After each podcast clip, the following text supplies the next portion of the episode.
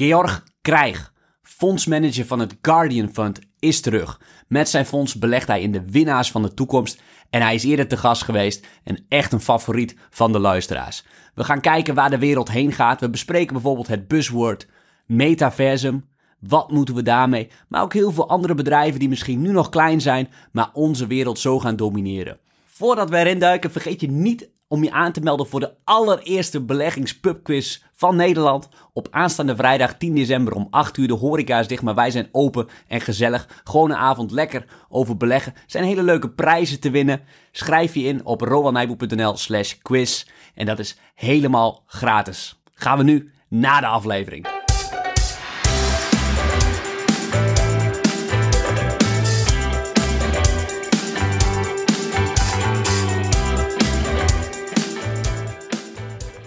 Ja, welkom bij weer een nieuwe aflevering. Leuk dat je kijkt of luistert. Mijn naam is Roland Nijboer, beleggingstrainer. En ik zit hier wederom met Georg Krijg. Georg was ook de gast in aflevering 70. Daar hebben we het over zijn beleggingsfilosofie gehad. En vandaag wil ik graag nog dieper inzoomen, omdat het een favoriet is van de luisteraars, op zijn beleggingsstrategie. Georg Krijg is ook fondsmanager van het Guardian Fund, haalt fantastische rendementen. Georg, welkom. Hey, leuk te praten.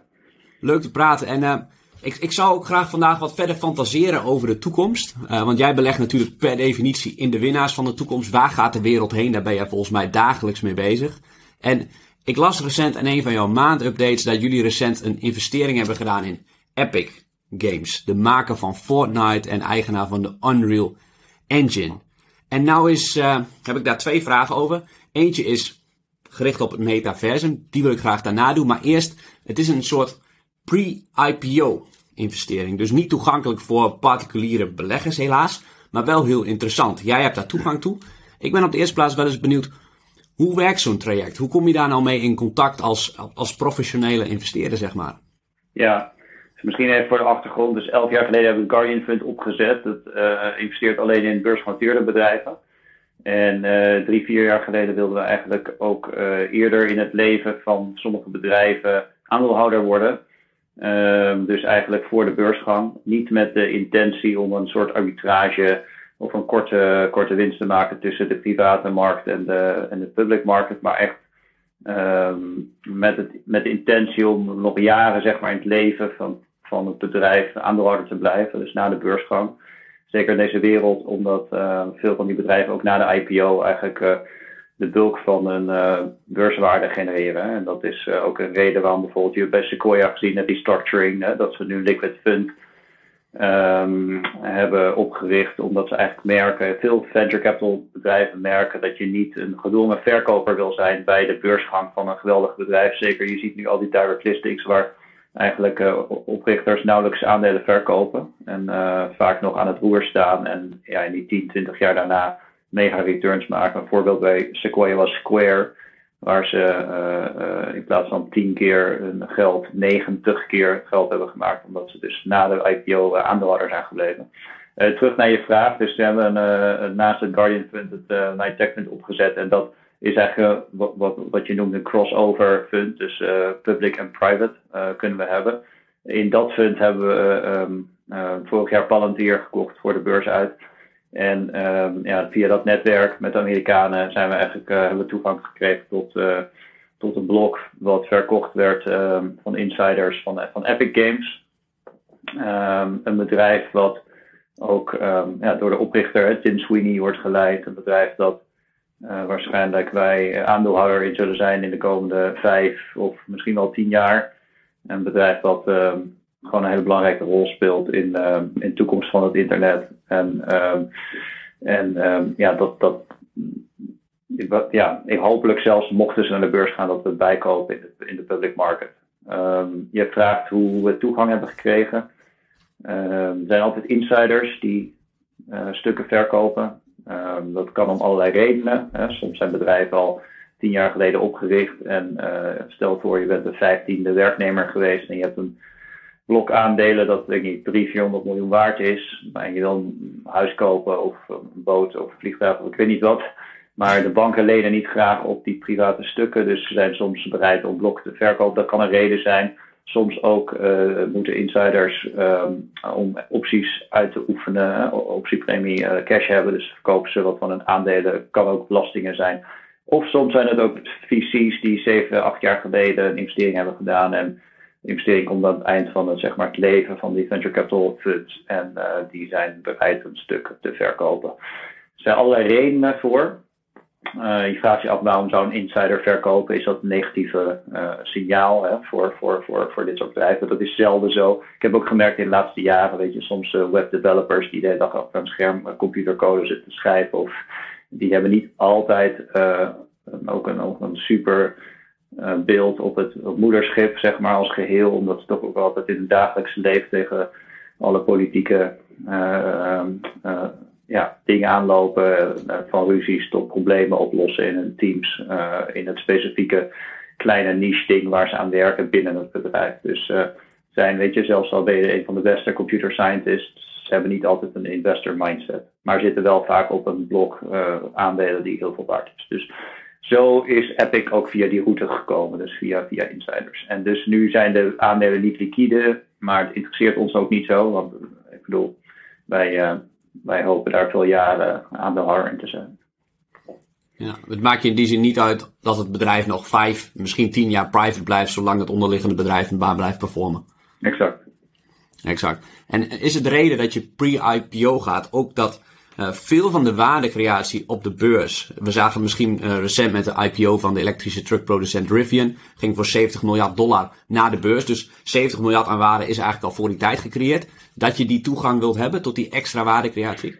Ja, kijk, bij Rivian uh, is het een heel ander soort situatie. Omdat het daar gaat om een bedrijf wat eigenlijk nog een product moet maken ongeveer. En het is wel heel erg uh, hoge waardering versus uh, bedrijven. Ik ken het niet goed verder, dus ik kan daar niet veel over zeggen. Maar Epic is al, nou ja, al, al jarenlang up and running. Hè? Een heel serieus bedrijf. Uh, um, met, met, met, met een waanzinnige positie in, in gaming. Wat een van de snelst groeiende markten is. Ook omdat gaming een beetje de gateway is naar ja, een beetje het buzzword tegenwoordig. Hè? Wat mensen metaverse noemen. Een metaverse is eigenlijk niets anders dan gewoon uh, een verdere ontwikkeling van het internet, waar we al jaren zien van, van dat het steeds fijner wordt om te communiceren. En dat wordt augmented en dat wordt um, virtual reality. Maar de metaverse kan ook gewoon zijn dat um, bijvoorbeeld in plaats van dat wij elkaar nu spreken in een 2D soort van scherm, dat we het idee hebben dat wij in dezelfde ruimte zitten. Um, en uh, dat wil niet zeggen dat miljoenen andere mensen door onze ruimte heen lopen. Hè? Dat het altijd één groot, uh, grote ruimte is waar iedereen is. Maar dat kan dan bijvoorbeeld alleen onze ruimte zijn waar wij in communiceren. Maar um, ja, waar het lijkt alsof wij echt samen in een ruimte zijn. Nou, um, de gaming software is heel makkelijk. Hè? Als je gaming, als je software hebt geschreven voor een spel om daar ook een deur te maken waar je doorheen loopt en dan ineens bij wijze van spreken in een conference ruimte of je bent met je ouders of je bent uh, aan het sporten. Dus uh, die gaming bedrijven hebben een hele goede positie om uh, ook relevant te worden in, nou ja, in wat mensen noemen de metaverse. Epic is ja. daar een van de belangrijke spelers. je hebt Unity, ook een belangrijke gaming engine. En nou ja, C met Garena. Dus er zijn een heleboel spelers. En er zullen er meer komen, zeker ook uit de, uit de crypto-wereld. Er, er zijn allerlei bedrijven ontstaan. Maar um, ja, een van de krachten van Epic naast uh, Fortnite, wat vroeger een spel was en wat eigenlijk aan het groeien is in een soort van all-round ecosysteem. Een soort virtuele entertainment, concerten worden georganiseerd en alles. Hebben ze ook de Unreal Engine. En de Unreal Engine is eigenlijk een, uh, een gaming software platform dat jij kan gebruiken als je dingen wil creëren. Dan in plaats van alles van, van, van nul te, te coden, uh, kan je bijvoorbeeld als jij wil simuleren hoe rotsen van een berg vallen of hoe een lawine van een berg afkomt. Dat is dan eigenlijk al gedaan en dan kan je gewoon copy-paste de code overnemen en dan kan je daarop verder bouwen wat zeg maar niet nog in de engine zit. Uh, daarvoor neemt uh, de Unreal Engine een 5% zeg maar cut. Uh, dat is eigenlijk zo laag fee dat, dat je eigenlijk bijna, ja, het is een no-brainer om gebruik ervan te maken versus alles van scratch te bouwen. Hè, dat is een heel ander percentage dan de Apple Store ja. bijvoorbeeld hanteert. Dus ja, dat, dat over Epic. Dus um, we zullen zien. Het bedrijf is al lang privaat en je kan je voorstellen dat er een keer meer druk komt uh, om misschien een keer wat meer liquiditeit te verschaffen aan de aandeelhouders en uh, via een direct listing. Dus uh, ben benieuwd. Ja. ja, grappig, want een Tencent is natuurlijk ook groot aandeelhouder. Dus ja, ik weet, ja daar, daar, krijg, daar krijg jij, jij dan misschien niet zoveel meer mee, maar die, ik, ik weet niet waar zij op zitten te wachten. Dat, dat is ook een ze, ze willen natuurlijk geen exit. Misschien is Tencent wel het metaversum bedrijf ter wereld door al die investeringen in al die, wat is het, 1400 uh, verschillende bedrijven. Kijk, uh, Facebook heeft die, uh, dat buzzword wat je zei, metaversum, eigenlijk een beetje hip gemaakt recent. Door dat iets van 30 keer in de earnings call naar voren te laten komen en zo'n zo'n hip filmpje daarover te maken. Maar zeg jij nou eigenlijk een beetje dat die gameproducenten zoals Epic, misschien een Roblox, Unity, eigenlijk al veel verder zijn met het metaversum en misschien wel veel beter gepositioneerd dan een Facebook? Ik, ik, bedoel, de presentatie van Mark was, was heel interessant. Um, want het was een visuele, uh, hele mooie manier om te laten zien waar eventueel de wereld naartoe kan gaan. Uh, maar heel veel dingen die, die gepresenteerd worden daar, die zijn eigenlijk al gebouwd door Epic um, op Unity. Um, dus dat is niet dat dat komt, maar het is er eigenlijk al. Um, dus ja, er zijn een aantal partijen die al, Roblox ook, die al heel ver zijn. Facebook, ja, zij het is misschien ook wel een beetje. Ze hebben natuurlijk sterke positie omdat ze gigantische RD-investeringen doen in, um, in, in de VR en de Oculus. En, uh, dus, dus ze hebben absoluut een positie. Maar ja, ik weet niet, wellicht zien we dat ze een keer een acquisitie doen. Um, of alles zelf bouwen. Maar um, ik denk dat andere partijen veel verder zijn. En dat, uh, dat, dat het ook wel enigszins desperate overkwam, die presentatie. Uh, omdat natuurlijk zij eerder hebben gezien hoe snel retail uh, of een particuliere uh, platforms wisselen. Van hoe snel ze weg zijn gegaan bij Facebook. En hoe snel ook iets als Instagram minder relevant kan worden in het leven van mensen. Dus um, ik denk dat ze heel erg op zoek zijn naar een soort identiteit. En um, Mark is wel echt een visionair en ik heb ontzettend veel respect voor hem en een enorme doorzetter. En je, de meeste mensen waren al lang had het al lang opgegeven. Met alle pushbacks die hij heeft meegemaakt in de, in de laatste jaren. Dus uh, ik denk dat zij uh, met, met hun talent dat ze absoluut een sterke positie daarin zullen krijgen. Ja, hoe, hoe kijk je eigenlijk naar... Facebook is voor beleggers natuurlijk iets fantastisch, maar het wordt ook wel een gehaat bedrijf genoemd. En dat, dat slechts vier keer per jaar voor beleggers met iets moois komt, dan namelijk de kwartaalcijfers. Um, heb je daar nog een perspectief op? Dat je bijvoorbeeld denkt dat, uh, dat die grote techbedrijven per saldo meer welvaart leveren. Soms is er in de maatschappij een beetje afkeer tegen. Ja, klopt. Ja, we leven in een wereld die, uh, waar ook veel politici deze oprichters uh, en bedrijven soort van als zondebok gebruiken voor wat, wat er mis is in de samenleving. Ehm, ik denk dat, um, dat we trots moeten zijn of dat we blij moeten zijn dat mensen als Jeff Bezos en Elon Musk uh, bestaan. Uh, omdat dat, die drijven human progress. En uh, als je zou moeten kiezen tussen twee landen waar je in wil wonen, eentje er zijn geen miljardairs en eentje er zijn wel miljardairs, dan denk ik degene zonder miljardairs, dat is een soort bananenrepubliek. Ja. Dus daar wil je absoluut niet zijn. dus dus de, de biljonairs in Amerika en ook, ook, ook hier in Europa en China zijn natuurlijk een bijverschijnsel van de gigantische innovatie die plaatsvindt. Uh, het zijn mensen die vaak uit hele simpele achtergronden komen en helemaal geen rijke families zonder speciale connecties, maar die puur door eigen talent en doorzetting uh, grote bedrijven hebben gebouwd en ook daarbij een groot deel van hun vermogen hebben geïnvesteerd in, in dat bedrijf. Um, zelden aandelen verkocht hebben of heel lang gehouden. En je ziet nu dat Jeff Bezos en Elon wat aandelen verkopen.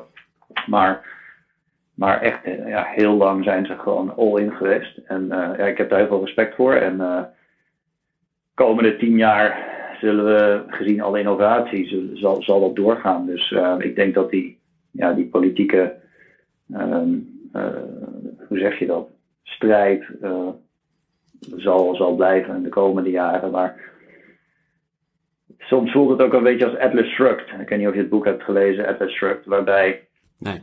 Zo'n mooi, ja, mooi boek waarin beschreven wordt hoe een systeem steeds, uh, zeg maar de steeds minder capabele mensen in, in, in, in de rollen komen die,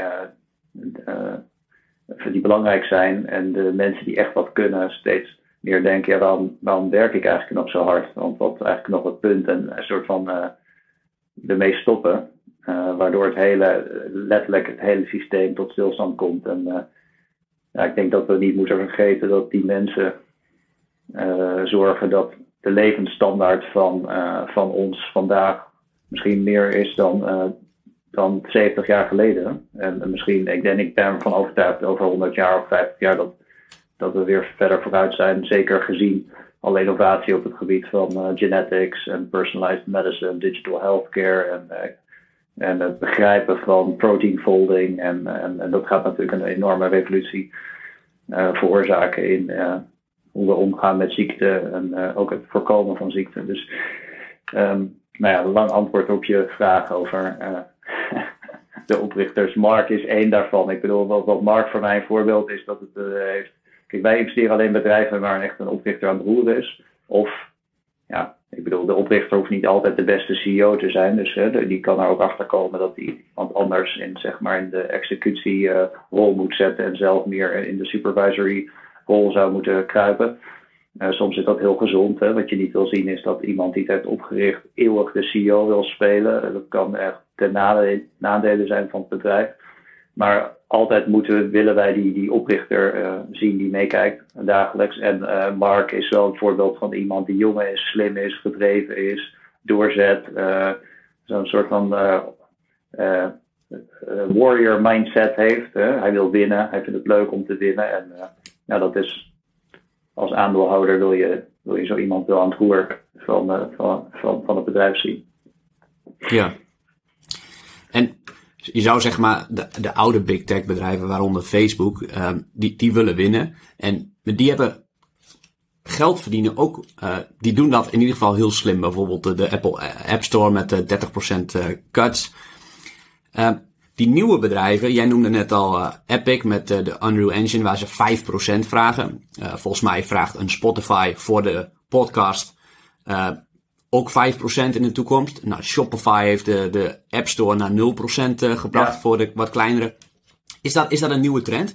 Of ja, dat sorteren, die, sorteren die nieuwe ondernemers eigenlijk voor op de regulatie en de belasting die ze nu zien, wat grote techbedrijven die denken, dit doen wij niet? Of doen, doen, is, doen ze dat vooral slim? Of is dat vooral om Nou, ik denk wat jij identificeert, je vraag is, um, wil je liever geïnvesteerd zijn in, zeg maar, uh, in het Engels heet dat de walled garden, hè, de omsloten tuin, of de open garden. En uh, Facebook en Apple zijn walled gardens, met een soort captive audience die ze willen monetizen en controleren. Um, ik denk dat de toekomst is dat het open is, open source.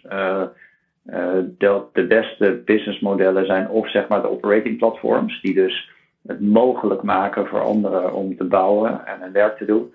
Uh, en zeg maar de enablers van, uh, van, van, van zeg maar mensen die dingen maken. Of je nou software maakt of muziek publiceert of uh, podcast host zoals jij. Of bijvoorbeeld um, Spotify gaat de andere kant op.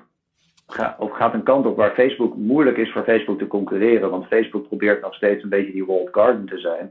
Terwijl wat Spotify doet, is zegt van, weet je, uh, jij met je, weet je, als jij een subscription uh, uh, podcast hebt, of een deel is vrij en een deel is, is tegen betaling, dan kan je dat allemaal zelf inrichten en hosten. En, jij kan eigenlijk je bedrijf runnen op Spotify. En de, de klant voor Spotify is niet zozeer ik als subscriber, als premium subscriber, maar eigenlijk veel meer mensen als Patrick O'Shaughnessy, eh, Joe Rogan, ehm, jij, eh, namelijk jullie zijn degene die bedrijven bouwen en een platform nodig hebben om alle tools te hebben om, uh, om, om, om je bedrijf zo te runnen zoals je zelf wil. Zonder dat daar een partij tussen zit die zegt van hé, hey, ik wil de creditcards controleren als, als ik als subscriber het besluit om ik veel om 5, 5 euro per maand uh, aan jouw podcast te betalen, dat ik dan via de Apple Store dat moet regelen en dat jij niet kan, direct kan controleren. Uh, de, de, eigenlijk gaat het om de directe relatie tussen uh, jou, of de creator, en de, de superfan of de klant. En daar moet eigenlijk zo weinig mogelijk tussen zitten, eigenlijk alleen maar software. En ik denk, wat jij vraagt is, ben je eerder long, zeg maar, de walled gardens of de open platformen? En wij zijn absoluut long de open platformen. Dus ehm, een voorbeeld daarvan is Epic, hè, de Unreal Engine. Uh, wat je ook wilt bouwen, je kan aan de slag daar. Je kan het ook niet gebruiken, maar dan moet je alles zelf bouwen. Spotify is hetzelfde, dus, dus ook Ben Thompson en, en, en, en die met een podcast die al bijvoorbeeld een audience hebben, die kunnen het gewoon verhuizen naar Spotify. Spotify hoeft daar niets aan te verdienen. Die willen gewoon dat, dat zij op andere manier engagement genereren en mensen naar het platform brengen. Dus dat is eigenlijk iemand die het mogelijk maakt voor, voor creators om een, werk te doen. Nou ja, zo zijn er een heleboel bedrijven en dat zijn vaak de mooiste businessmodellen die eigenlijk waar de kern van het product eigenlijk een open source platform is, dat je ook gratis kan gebruiken. Uh, wat dus heel veel startups doen, die gebruiken het gratis, maar als je dan enorm schaalt en je, en je, je gaat echt mission critical uh, delen van het bedrijf daarop bouwen, dan kom je er wel eens achter dat het misschien beter is om bepaalde premium services af te nemen van, van, van het bedrijf. Die, bijvoorbeeld een voorbeeld is Databricks, hè, dat is ontstaan rondom open source software Spark. En, maar als groot bent, dan kom je erachter van oké, wil ik of team dedicated IT'ers in-house daarop hebben die dat allemaal bouwen en onderhouden? Of is het goedkoper eigenlijk om Databricks te betalen uh, as a service en dan toegang hebben tot de software waar, waar je extra services voor krijgt? Nou een ander voorbeeld is uh, Elastic. Elasticsearch is, is gratis, maar Elastic is een soort bedrijf dat er omheen is gebouwd rondom services, rondom Elasticsearch. Um, um, wat je veel ziet is dus dat veel jonge bedrijven dan dus gratis aan de slag gaan met, met het platform. Maar als ze enorm groeien, groeit het eh, bedrijf eigenlijk met die start-ups mee, omdat ze dan ineens um, um, ja, uh, erachter komen dat het beter is te betalen. Maar dus de beste businessmodellen zijn, terug naar je vraag, denk ik, de open, uh, niet de vault gardens, maar de open platformen, de operating platformen of de, de, de, bedrijven die jou als um, ondernemer of creator of wat dan ook uh, de tools geven om je bedrijf te doen. Nou, Shopify is precies hetzelfde. Hè. Zij, geven jou gewoon alle, alle, alle, alle, alle dingen die je nodig hebt om je bedrijf wereldwijd te runnen. Spotify doet dat voor muziek en podcasts, en voor audio. Epic doet dat voor, voor gaming developers. Niet alleen gaming trouwens, wel interessant dat de Unreal Engine in toenemende mate dus ook wordt gebruikt door de mensen die films maken, omdat de visuele effecten die je kan bereiken met uh, gaming software nu beter is in sommige gevallen dan wat je kan filmen met camera's. Dus het is een beetje het, um, ja, het kantelpunt hier bereikt, waar gaming software zo goed wordt dat je dus hele films kan creëren met, met software van, van Epic. Dus is toch fantastisch, al die innovatie. En dat je met beleggen daarmee bezig kan zijn uh, en door dat te bestuderen. Um, is, maar doordat ze die, bijvoorbeeld een uh, Spotify of Shopify, die, die lagere take rate eigenlijk pakken op uh, de open garden, zoals jij dat noemt. voor die bedrijven zullen op lange termijn om een goede belegging te moeten zijn, ook moet er gewoon geld verdiend worden. Want ja, je wil de, de toekomstige kaststromen, dat is uiteindelijk de waarde van het bedrijf. Um, gaan ze dat dan via andere zaken doen? Ik hoor ook wel eens iemand zeggen, ja, in de toekomst is elk IT-bedrijf is een advertentiebedrijf. Dat, dat ze dat gaan verkopen, dat dat hun verdienmodel is. Hoe, hoe, zie, hoe zie jij dat evalueren? En mijn vraag is eigenlijk ook, hoe hou jij daar rekening mee in je waardering? Heb je het nu over een specifiek bedrijf of meer in, in, in, het algemeen? Nou, ik, ik, snap, ik snap dat het per specifieke bedrijf zo geldt, maar die, ik, ik bedoel meer die nieuwe bedrijven die eigenlijk voor klanten, creators, uh, wat beter zijn omdat ze een lagere take rate pakken. Daardoor klanten veel sneller kunnen groeien. En ik snap dat die bedrijven daarvan profiteren, want ze zijn meer engaged. Maar uiteindelijk moet zo'n platform daar ook geld aan verdienen. Om een goede belegging op de lange termijn te kunnen zijn.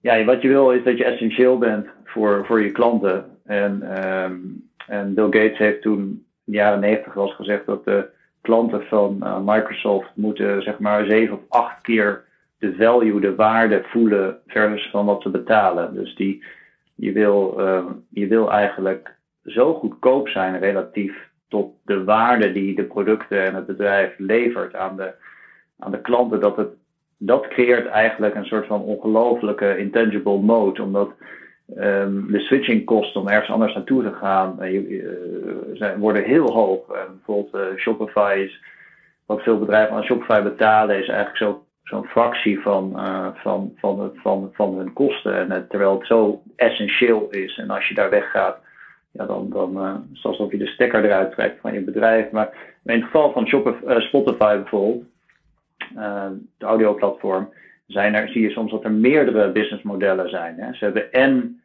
de freemium lagen, degene die niet betalen voor de audio, maar die dan advertenties uh, zien. Die advertenties worden steeds beter op basis van uh, dat ze beter met data weten om te gaan en dat dingen die jij interessant vindt. Dat, dus het wordt een soort advertentiemachine hebben ze gebouwd. Dat jij als je podcast uh, host en je wil bijvoorbeeld advertenties opnemen in jouw podcast, maar jij, hebt geen, jij, weet niet precies hoe je dat allemaal moet managen. Kan je dat eigenlijk gewoon via Spotify kan, kan je dat doen. Hè?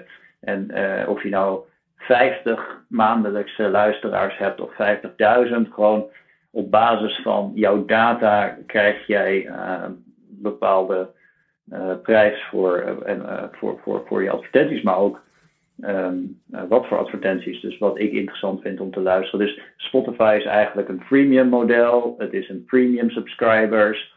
Maar het gaat eigenlijk Spotify niet zozeer om hoeveel geld krijgen we per maand van de premium subscribers. Het gaat ze veel meer om uh, alle andere opportunities die er zijn in het, in het, in het, in het, in het businessmodel die embedded zijn in het businessmodel, maar die nog niet per se vandaag helemaal naar voren komen. En je vraagt ook bijvoorbeeld, ja, hoe zet je het model? Um, dat is lastig ook. Bijvoorbeeld merchandise. Uh, Bruce, Bruce uh, Springsteen bijvoorbeeld. Het meeste wat hij verdient is niet door zijn catalogus of een, zijn audio-opnames, maar het is cowboylaarzen en hoeden en, en live concerten. Dus ehm, kijk, wat, wat Spotify eigenlijk is, is een waanzinnige datamachine die, die, die, die, die, die, die weet wie wat wil en waarin geïnteresseerd is. Dus een soort Google search voor audio.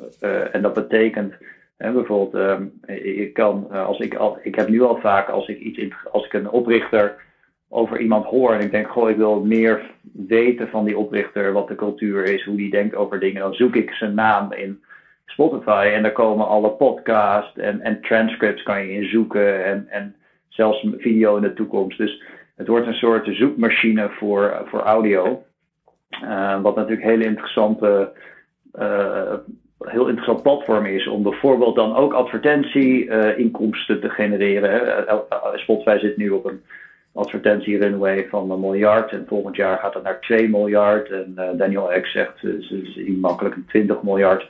Eh, eh, markt. Maar ja, je vraagt, je ziet dus dat er meerdere manieren zijn om dit te monetizen. Eén, een kleine percentage pakken voor het enabelen van, van, van podcast, advertenties, freemium en advertenties, uh, premium subscribers, merchandise. In Amerika is de shop knop al aangegaan in Spotify. Dus je kan als artiest kan je onder je biografie heb je een, shopping en dat is weer een partnership met, met Shopify. Dus je kan bijvoorbeeld merchandise gaan verkopen. Um, uh, waarbij jij als artiest uh, Spotify een vast bedrag per maand betaalt en de GMV, zeg maar de, de merchandise volume en de payments en de fulfillment wordt eigenlijk afgewikkeld door, door, door Shopify. Dus uh, het is een enorme win-win. Hetzelfde is natuurlijk met Netflix. je ziet nu ik weet niet of je de cijfers hebt, uh, cijfers, prestatie hebt gezien van Netflix. Van de laatste cijfers waar Reed Hastings in het Squid Games pak uh, de presentatie doet.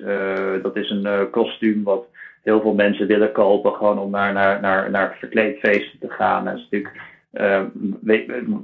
maar je wil niet als je Squid Games hebt gekeken en dan stel je wil het pak kopen en dan moet je naar Google gaan en, of Amazon en dan daar zoeken waar je dat kan kopen. Je wil gewoon klik in de Netflix app, klik kopen en dan wordt het geleverd.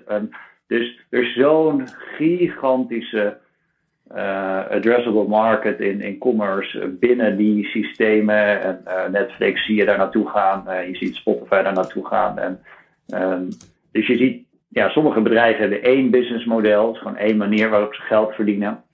Sommige bedrijven hebben meerdere. En, ja. ja. En ik, ik kan me voorstellen dat heel veel verdienmodellen nu ook nog niet zichtbaar zijn voor het bedrijf. Dat, je die, dat die over, over vijf jaar, over tien jaar, uh, dan, dan, ga je in één keer, omdat het, de eindmarkt zo groot is en er zijn gebruikers die engaged zijn, dat er zoveel manieren zijn om aan te verdienen. Ja, bijvoorbeeld Epic is een voorbeeld daarvan. Uh, omdat wat er gebeurt hier is dat wij zullen over vijf of over tien jaar, als wij de lijstjes zien van de grootste economieën in de wereld, hè, dat zijn vaak de landen van Amerika, China, Japan, Duitsland en zo, daartussen zouden komen te staan, zeg maar, virtuele werelden. Uh, dus we gaan zien dat bepaalde metaverses of bepaalde virtuele werelden uh, groter zijn dan de economie van Duitsland. Uh, um, voorbeeld dat Roblox, Um, vorig jaar volgens mij hebben de webdevelopers die dingen bouwen in Roblox samen ongeveer 500 miljoen dollar verdiend. Dat ze dan in Robux, dat is de, de digitale currency, de munt van Roblox. Maar die, kan, kunnen ze zeg maar zonder problemen uh, inwisselen voor, voor fiat geld. Dus de, de, de, de, de, kanalen in en uit de digital currencies in die, zijn heel belangrijk in de wereld. Uh, zolang dat blijft bestaan, kunnen dus hele uh, virtuele werelden worden gebouwd. Waar hele serieuze uh, dingen plaatsvinden. Dus live concerten, maar ook, ik bedoel, de lancering van een nieuwe Ferrari tot, tot um, onderwijs, tot sociale dingen, het kopen van NFT's. het bezitten van digitaal land, wat je kan verhuren waar advertenties kunnen worden geplaatst. Dus wij kunnen waarschijnlijk inderdaad niet voorstellen vandaag nog uh, hoe, uh, hoe dit zal ontwikkelen. Net zoals dat het niet voor te stellen was voordat bijvoorbeeld de iPhone er was, hoe, wat voor belangrijk uh, impact op ons leven, zeg maar, het mobiele operating platform zou, hè, zou, zou worden. Dus wat je wel kan voorstellen is dat sommige bedrijven die dus zo'n belangrijke positie hebben, plus een team aan het roer die die, die waarschijnlijk die kansen gaan pakken. Ze zullen ook dingen gaan missen natuurlijk, maar uh, ja, hoe zet je dat in een Excel-sheet of in je model? Dat niet. Dus uh, ik denk als mensen klagen over sommige waarderingen in de markt nu, uh, dat is volledig terecht op basis van als je nu de tijd stil zou zetten en zeggen, goh, dit is, dit is het bedrijf. Maar als je ook maar heel klein beetje een visie hebt waar dit naartoe zou kunnen gaan in de komende drie tot vijf jaar, dan is misschien de waardering extreem aantrekkelijk. En uh, dat is ook het leuke van investeren, dat je daar een visie op moet hebben. Want als je totaal geen visie hoeft te hebben, dan, dan ja, kan je ook een indexfonds kopen of, of um, heb je denk ik niet echt een edge in de markt. Dus uh, ik denk wel dat het ja, je moet een visie hebben op waar die bedrijven zich naartoe ontwikkelen. En dan kom je tot de conclusie dat bijvoorbeeld in het geval van sommige bedrijven de huidige marktwaarde peanuts is vergeleken met, met wat ze gaan bouwen. Ja, ja. En ik denk, dat, ik denk dat jouw edge heel erg zit in het bestuderen, bestuderen van dat soort winnaars van de toekomst. Uh, nou had ik twee weken geleden een aflevering over een boek van Farnham Street, uh, Mental Models. Hmm. Uh, als je het leuk vindt om die te luisteren, kan je, kan je dat terugluisteren voor de luisteraar. Um, Eén mental model is eigenlijk competentiecirkel. Uh, ook bekend van Warren Buffett natuurlijk. Um, ik hoor nu net een aantal bedrijven voorbij komen die misschien niet elke luisteraar kent. Een Roblox, een Unity, uh, Epic natuurlijk wel van Fortnite, maar misschien niet de Unreal Engine. Hoe, hoe ga je daarmee om als, als particuliere belegger? Wat zou je adviseren om zo'n bedrijf dan echt te leren kennen? Dat je echt weet wat ze doen. Ja, allereerst moet je gewoon een intrinsieke interesse hebben natuurlijk in, in, in het bedrijf, wat ze doen, of het, de technologie, of um, een interesse die gedreven is omdat je bijvoorbeeld zelf uh, het product gebruikt, of omdat je ziet dat je kinderen het, ge, het, het gebruiken in het geval van Fortnite of Roblox. Um, ik denk als particuliere investeerder um, dat natuurlijk voor heel veel mensen het een hele goede uh, beslissing is om bijvoorbeeld uh, een Nasdaq 100 of S&P 500 indexfonds te kopen, dan hoef je niet per se een mening te hebben, maar je hebt wel exposure naar de, zeg maar de, de meest relevante bedrijven in technologie, omdat die redelijke wegingen zijn hebben in die index. Maar als je actief gaat investeren en daarmee dus bepaalde bedrijven selecteert waar je, waar je aandeelhouder in wil worden, ja, dan, dan zijn dat dan, dan moet je een visie ontwikkelen op dat bedrijf. Omdat die beste bedrijven noteren op een flinke waardering. Uh, en dat zal niet veranderen. Dus uh, een van de dingen die je kan leren van Amazon in de laatste 10, 15 jaar is dat op ieder moment um, was consensus uh, eigenlijk dat Amazon een absolute winnaar is. Een van de meest relevante bedrijven die opkomt in het internet. Maar heel weinig mensen hadden eigenlijk aandelen in Amazon of langer dan een paar jaar. Omdat uh, op ieder moment dat je aandeelhouder was in het bedrijf, uh, hoorde je ook die hele echokamer van CNBC en de Financial Times en de sell-side dat het bedrijf overgewaardeerd is of mogelijk een bubbel. En tegelijkertijd, als je kijkt hoeveel, hoe vaak het aandeel Amazon in de laatste 15 of 10 jaar zeg maar top tik tot tik uh, meer dan 30 of 40 procent is gedaald. Dat is, weet ik veel, 18 of 25 keer. Uh, dus ik heb al die I told you so momenten ook nog meegemaakt. Dus uh, hoeveel van die mensen zijn bijvoorbeeld net als Jeff Bezos 10 jaar blijven zitten in het Amazon aandeel? Waarschijnlijk heel weinig. En um, een van de dingen die je kan leren is dat als je in deze tijd, in een wereld die zo schaalbaar is, als je niet comfortabel bent om de goede bedrijven op volle waardering te bezitten, plus de volatiliteit uh, mee te maken die gewoon normaal zijn in markten. Ik keek gisteren of eergisteren uh, beurzen ook, zeker techbedrijven zijn hard omlaag gegaan. Maar het enige wat telt, het enige wat belangrijk is, weet je, zijn die bedrijven significant meer waard in 2025. Um, en wachten tot je zo'n bedrijf voor een, voor een soort van vanuit een accounting mindset op een hele lage waardering kan kopen. Uh, mogelijk kan het gebeuren, maar het is heel erg onwaarschijnlijk. En, uh, dus dat is het moeilijke van deze tijd. En het, het, het is belangrijk voor je vraag, want als je niet een visie hebt op het bedrijf, blijf je niet zitten. Namelijk als je niet begrijpt waar het naartoe kan gaan en, en het aandeel gaat 30% omlaag en iedereen zegt ja, maar het was ook veel te duur. Uh, ja, blijf je dan zitten? Of koop je bij? Dat is eigenlijk de vraag. Koop je bij hm? als een bedrijf 30% daalt, ga je, verdubbel je positie, omdat je zo veel vertrouwen hebt dat dit bedrijf vijf keer zoveel waard is in 2025. Dat is eigenlijk waar je achter moet komen. Ja, helder. En uh, veel traditionele waardebeleggers gebruiken bijvoorbeeld een DCF om een bedrijf te waarderen. Zou je durven stellen dat een DCF gebruiken om jouw bedrijven te waarderen eigenlijk eerder schadelijk is, omdat je dan dus denkt dat het misschien juist overgewaardeerd is en DCF het totale uh, fantasievermogen van de mens eigenlijk kapot maakt. Ja, DCF is totale tijdverspilling. Oké. Totaal. Ja. Dus dat is. Ja. Ja, als je naar een finance uh, uh, studie gaat doen of naar Harvard Business School gaat, dan moet je iets, iets vertellen. dus dan gaan ze je vertellen, doe een peer analysis of een DCF. Um, dus weet je, als je een fixed income uh, obligatie hebt, dan, dan kan je dat doen. Dan kan je precies ja. uitrekenen op de, op de twee decimalen hoeveel cent je verdient tussen nu en 2030 dat je, dat je obligatie afloopt. Of, uh, of, weet je, voor hele lineaire bedrijven die, die gewoon eigenlijk elk jaar steady 4% per jaar groeien, weet ik veel, Colgate of zo, Palmolive of Coca-Cola. Ja, misschien dat je daar een soort van schatting kan maken.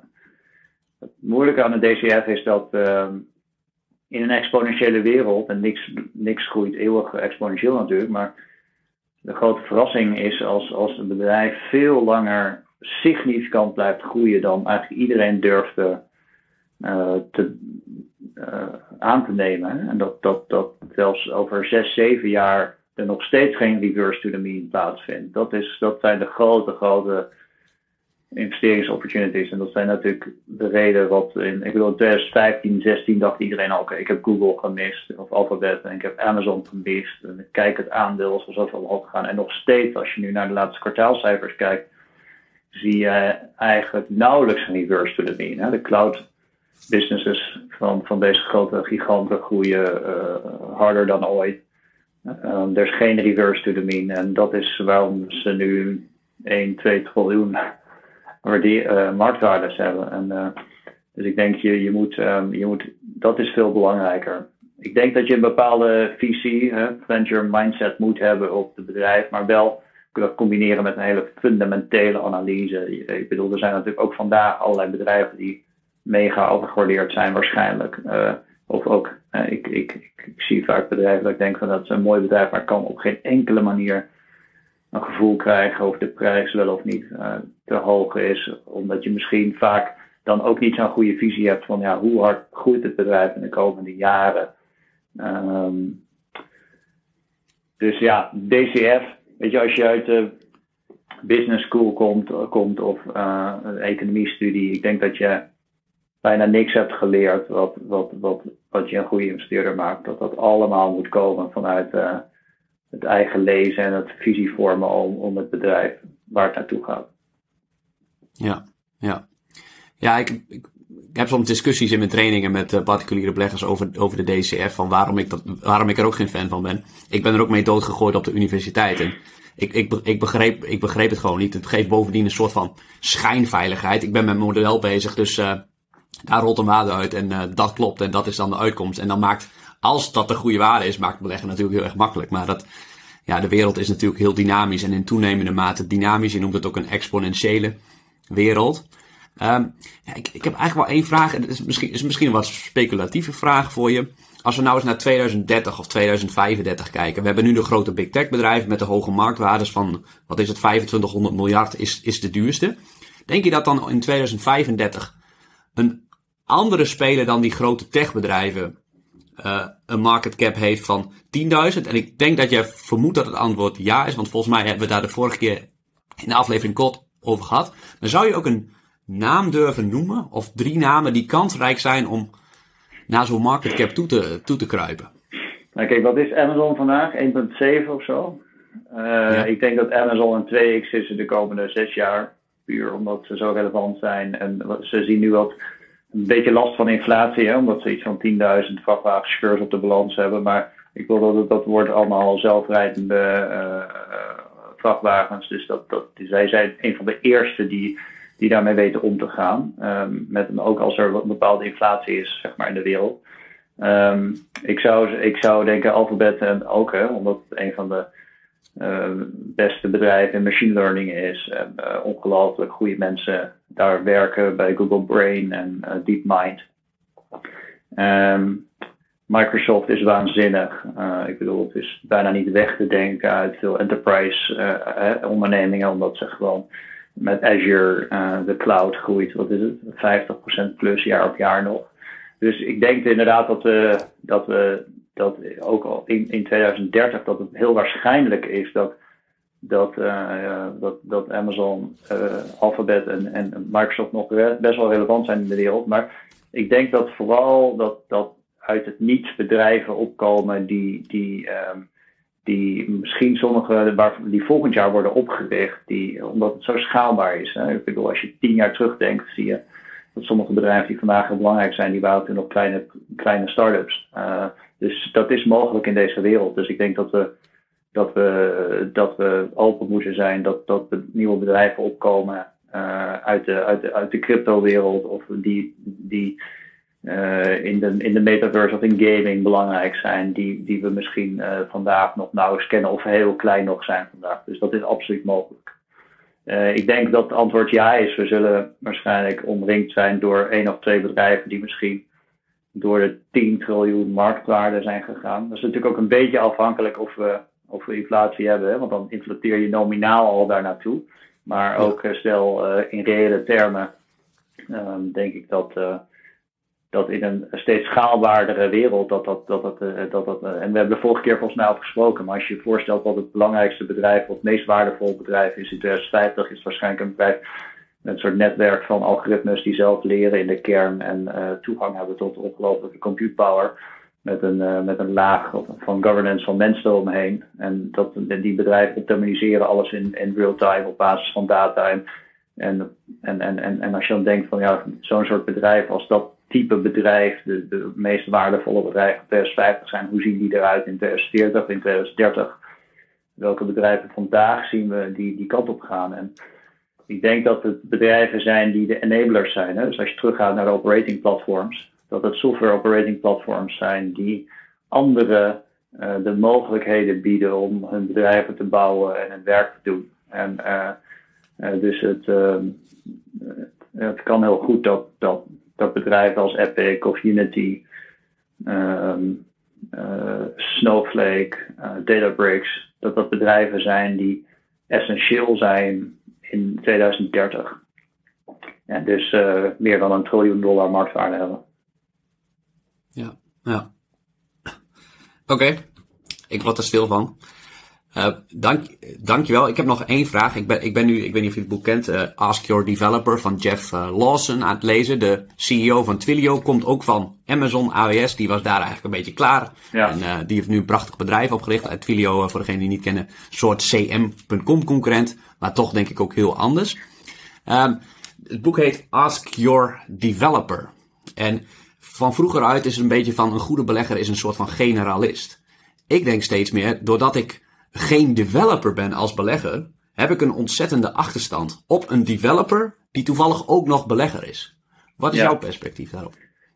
Ja, um, ik denk dat als je veel wil leren, dat je inderdaad met de developers kan spreken. Um, voor de lockdown gingen wij ook steeds naar developer conferences. Dat was het enige wat we eigenlijk deden. Die zijn niet bedoeld voor investeerders, maar daar spreek je met ja, mensen die, die bouwen. En die dus het belangrijkste wat, wat ze hebben, namelijk een tijd, spenderen aan het bouwen van software of ontwikkelen van producten op platformen.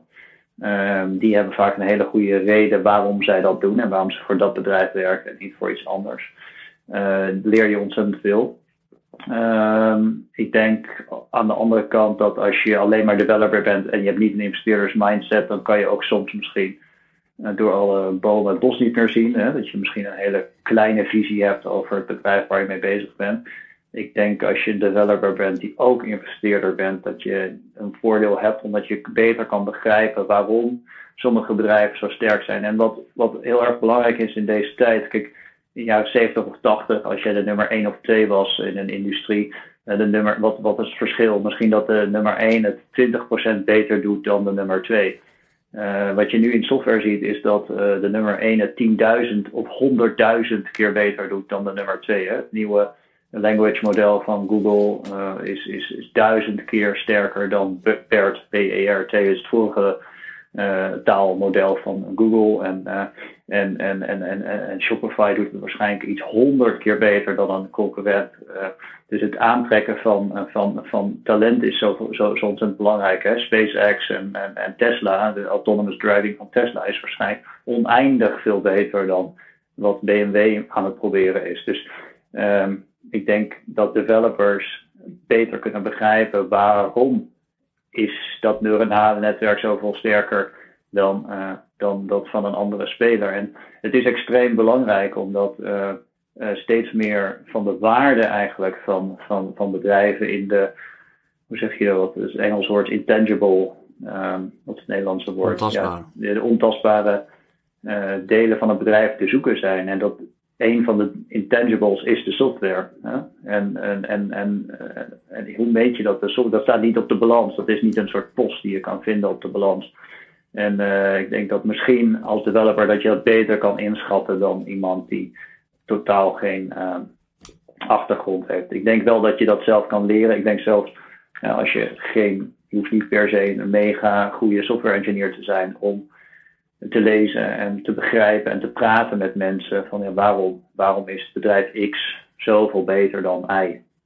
En, uh, en het gaat heel veel om talent inderdaad. Hè. Bijvoorbeeld, er zijn bedrijven die, die talent aantrekken en daardoor ontzettend sterk zijn. En bedrijven die misschien tien keer het budget zouden hebben, uh, kunnen niet concurreren met een kleinere bedrijf omdat die talent niet aantrekken. Bijvoorbeeld, kijk nu naar sommige van de banken in de wereld. Hè, die, de, beste software developers gaan niet bij een bepaalde bank werken, maar zijn wel, uh, gaan wel bij Stripe werken, of gaan wel bij Shopify werken, of gaan wel bij, uh, bij, ja, bij, bij Databricks werken.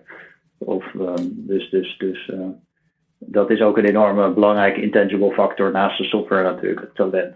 En dat, zijn dat is echt de, de, het kapitaal van veel van die bedrijven. Dus heel veel bedrijven die capital light zijn. Zijn eigenlijk helemaal niet zo capital light, want je hebt toch wel een heel leger aan hele goede software engineers die voor je werken. Hm. Maar je ziet nu ook in toenemende mate natuurlijk software dat software schrijft, software dat software monitort.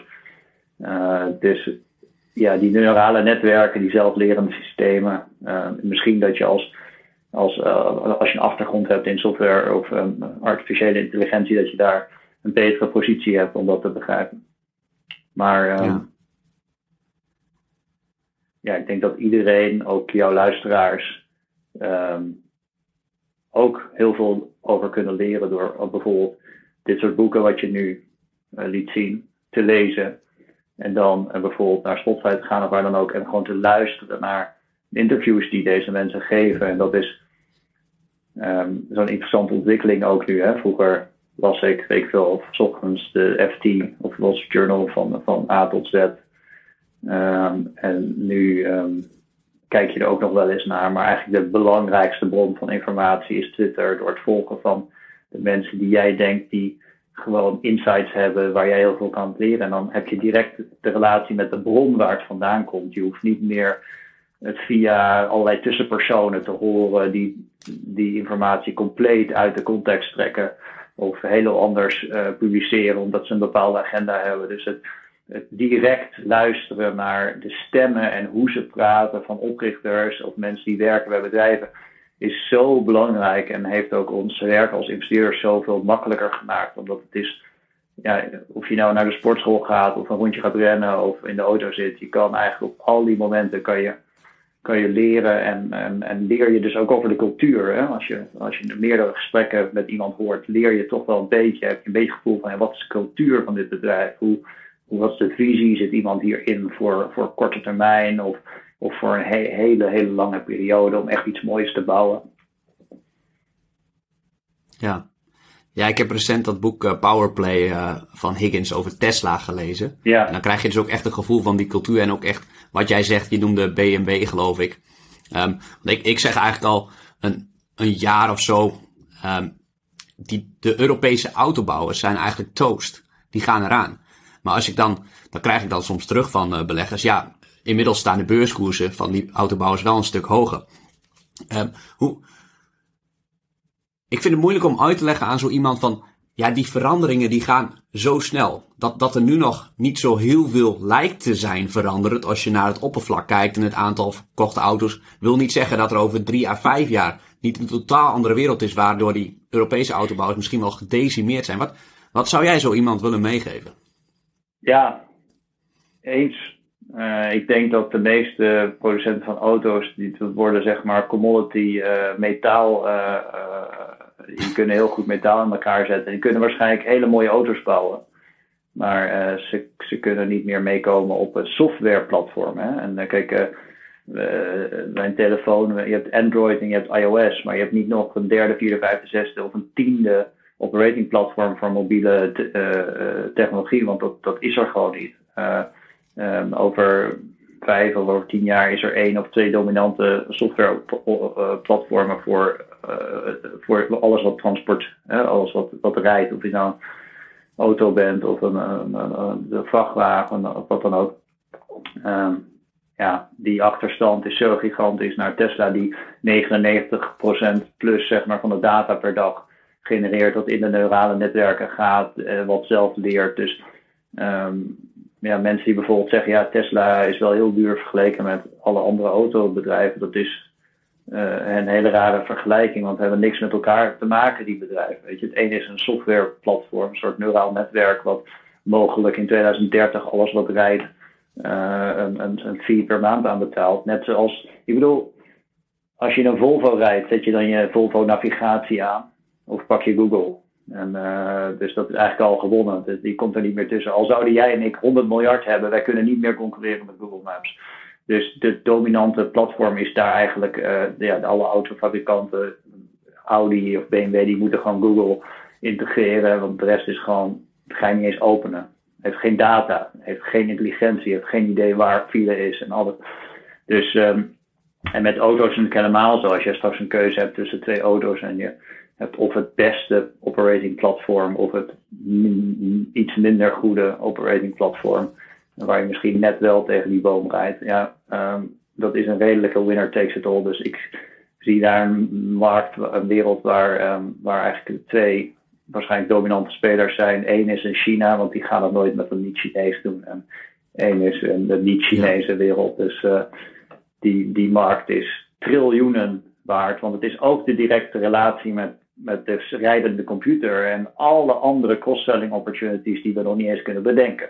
van wat voor metaverses er dan ook zijn, streamen naar de auto, de entertainment, de, het betalen. Uh, het is de gateway uh, met, met, met de klant. Dus um, het is zo ontzettend interessante uh, tijd wat dat betreft. Maar ja, um, als je nu naar een aandeel van, van, van een van die andere autobedrijven gaat kijken en je denkt van ja, het is gestegen. Um, dat is een vrij korte, korte visie waarschijnlijk op. Ja, Okay. Kijk, een verschuiving, in de, in, in de, een verschuiving van welvaart is altijd gaande in de samenleving. En ik denk dat je allereerst als investeerder moet denken, oké, hoe wil je positioneren? Uh, ik denk dat je je wil positioneren aan de kant waar de welvaart en ook zeg maar, het vermogen naartoe schuift en niet van afschuift. En, uh, dus als je ergens in zit waar het van afschuift, maar je bent toch trots dat het aandeel omhoog is, dat is wel een gevaarlijk spel, denk ik. Dankjewel, uh, Georg. Geweldig dat je hier weer een, vandaag een uitsplitsing geeft over waar we met de wereld naartoe gaan. Lijkt me leuk om je over een paar jaar nog eens terug te, te krijgen en kijken hoe de wereld dan is ontwikkeld, want de wereld is continu in beweging. Waar kunnen mensen meer over je vinden als je willen volgen? Ik lees met heel veel plezier in ieder geval je maandelijkse brieven. Ja, dus op guardianfund.nl kan je inschrijven voor de Sharing Thoughts. Dat zijn mijn soort van maandelijkse updates. Um, ik ben niet mega actief op Twitter, maar Georg krijg op Twitter. Misschien moet ik daar weer eens wat meer doen. Wat vaker dingen delen. Maar uh, dat zijn de belangrijkste plekken. Goed, heel erg bedankt voor je tijd, Georg. Dankjewel. En uh, luisteraar, bedankt voor het kijken of luisteren en graag tot de volgende keer. Ciao, fijne dag.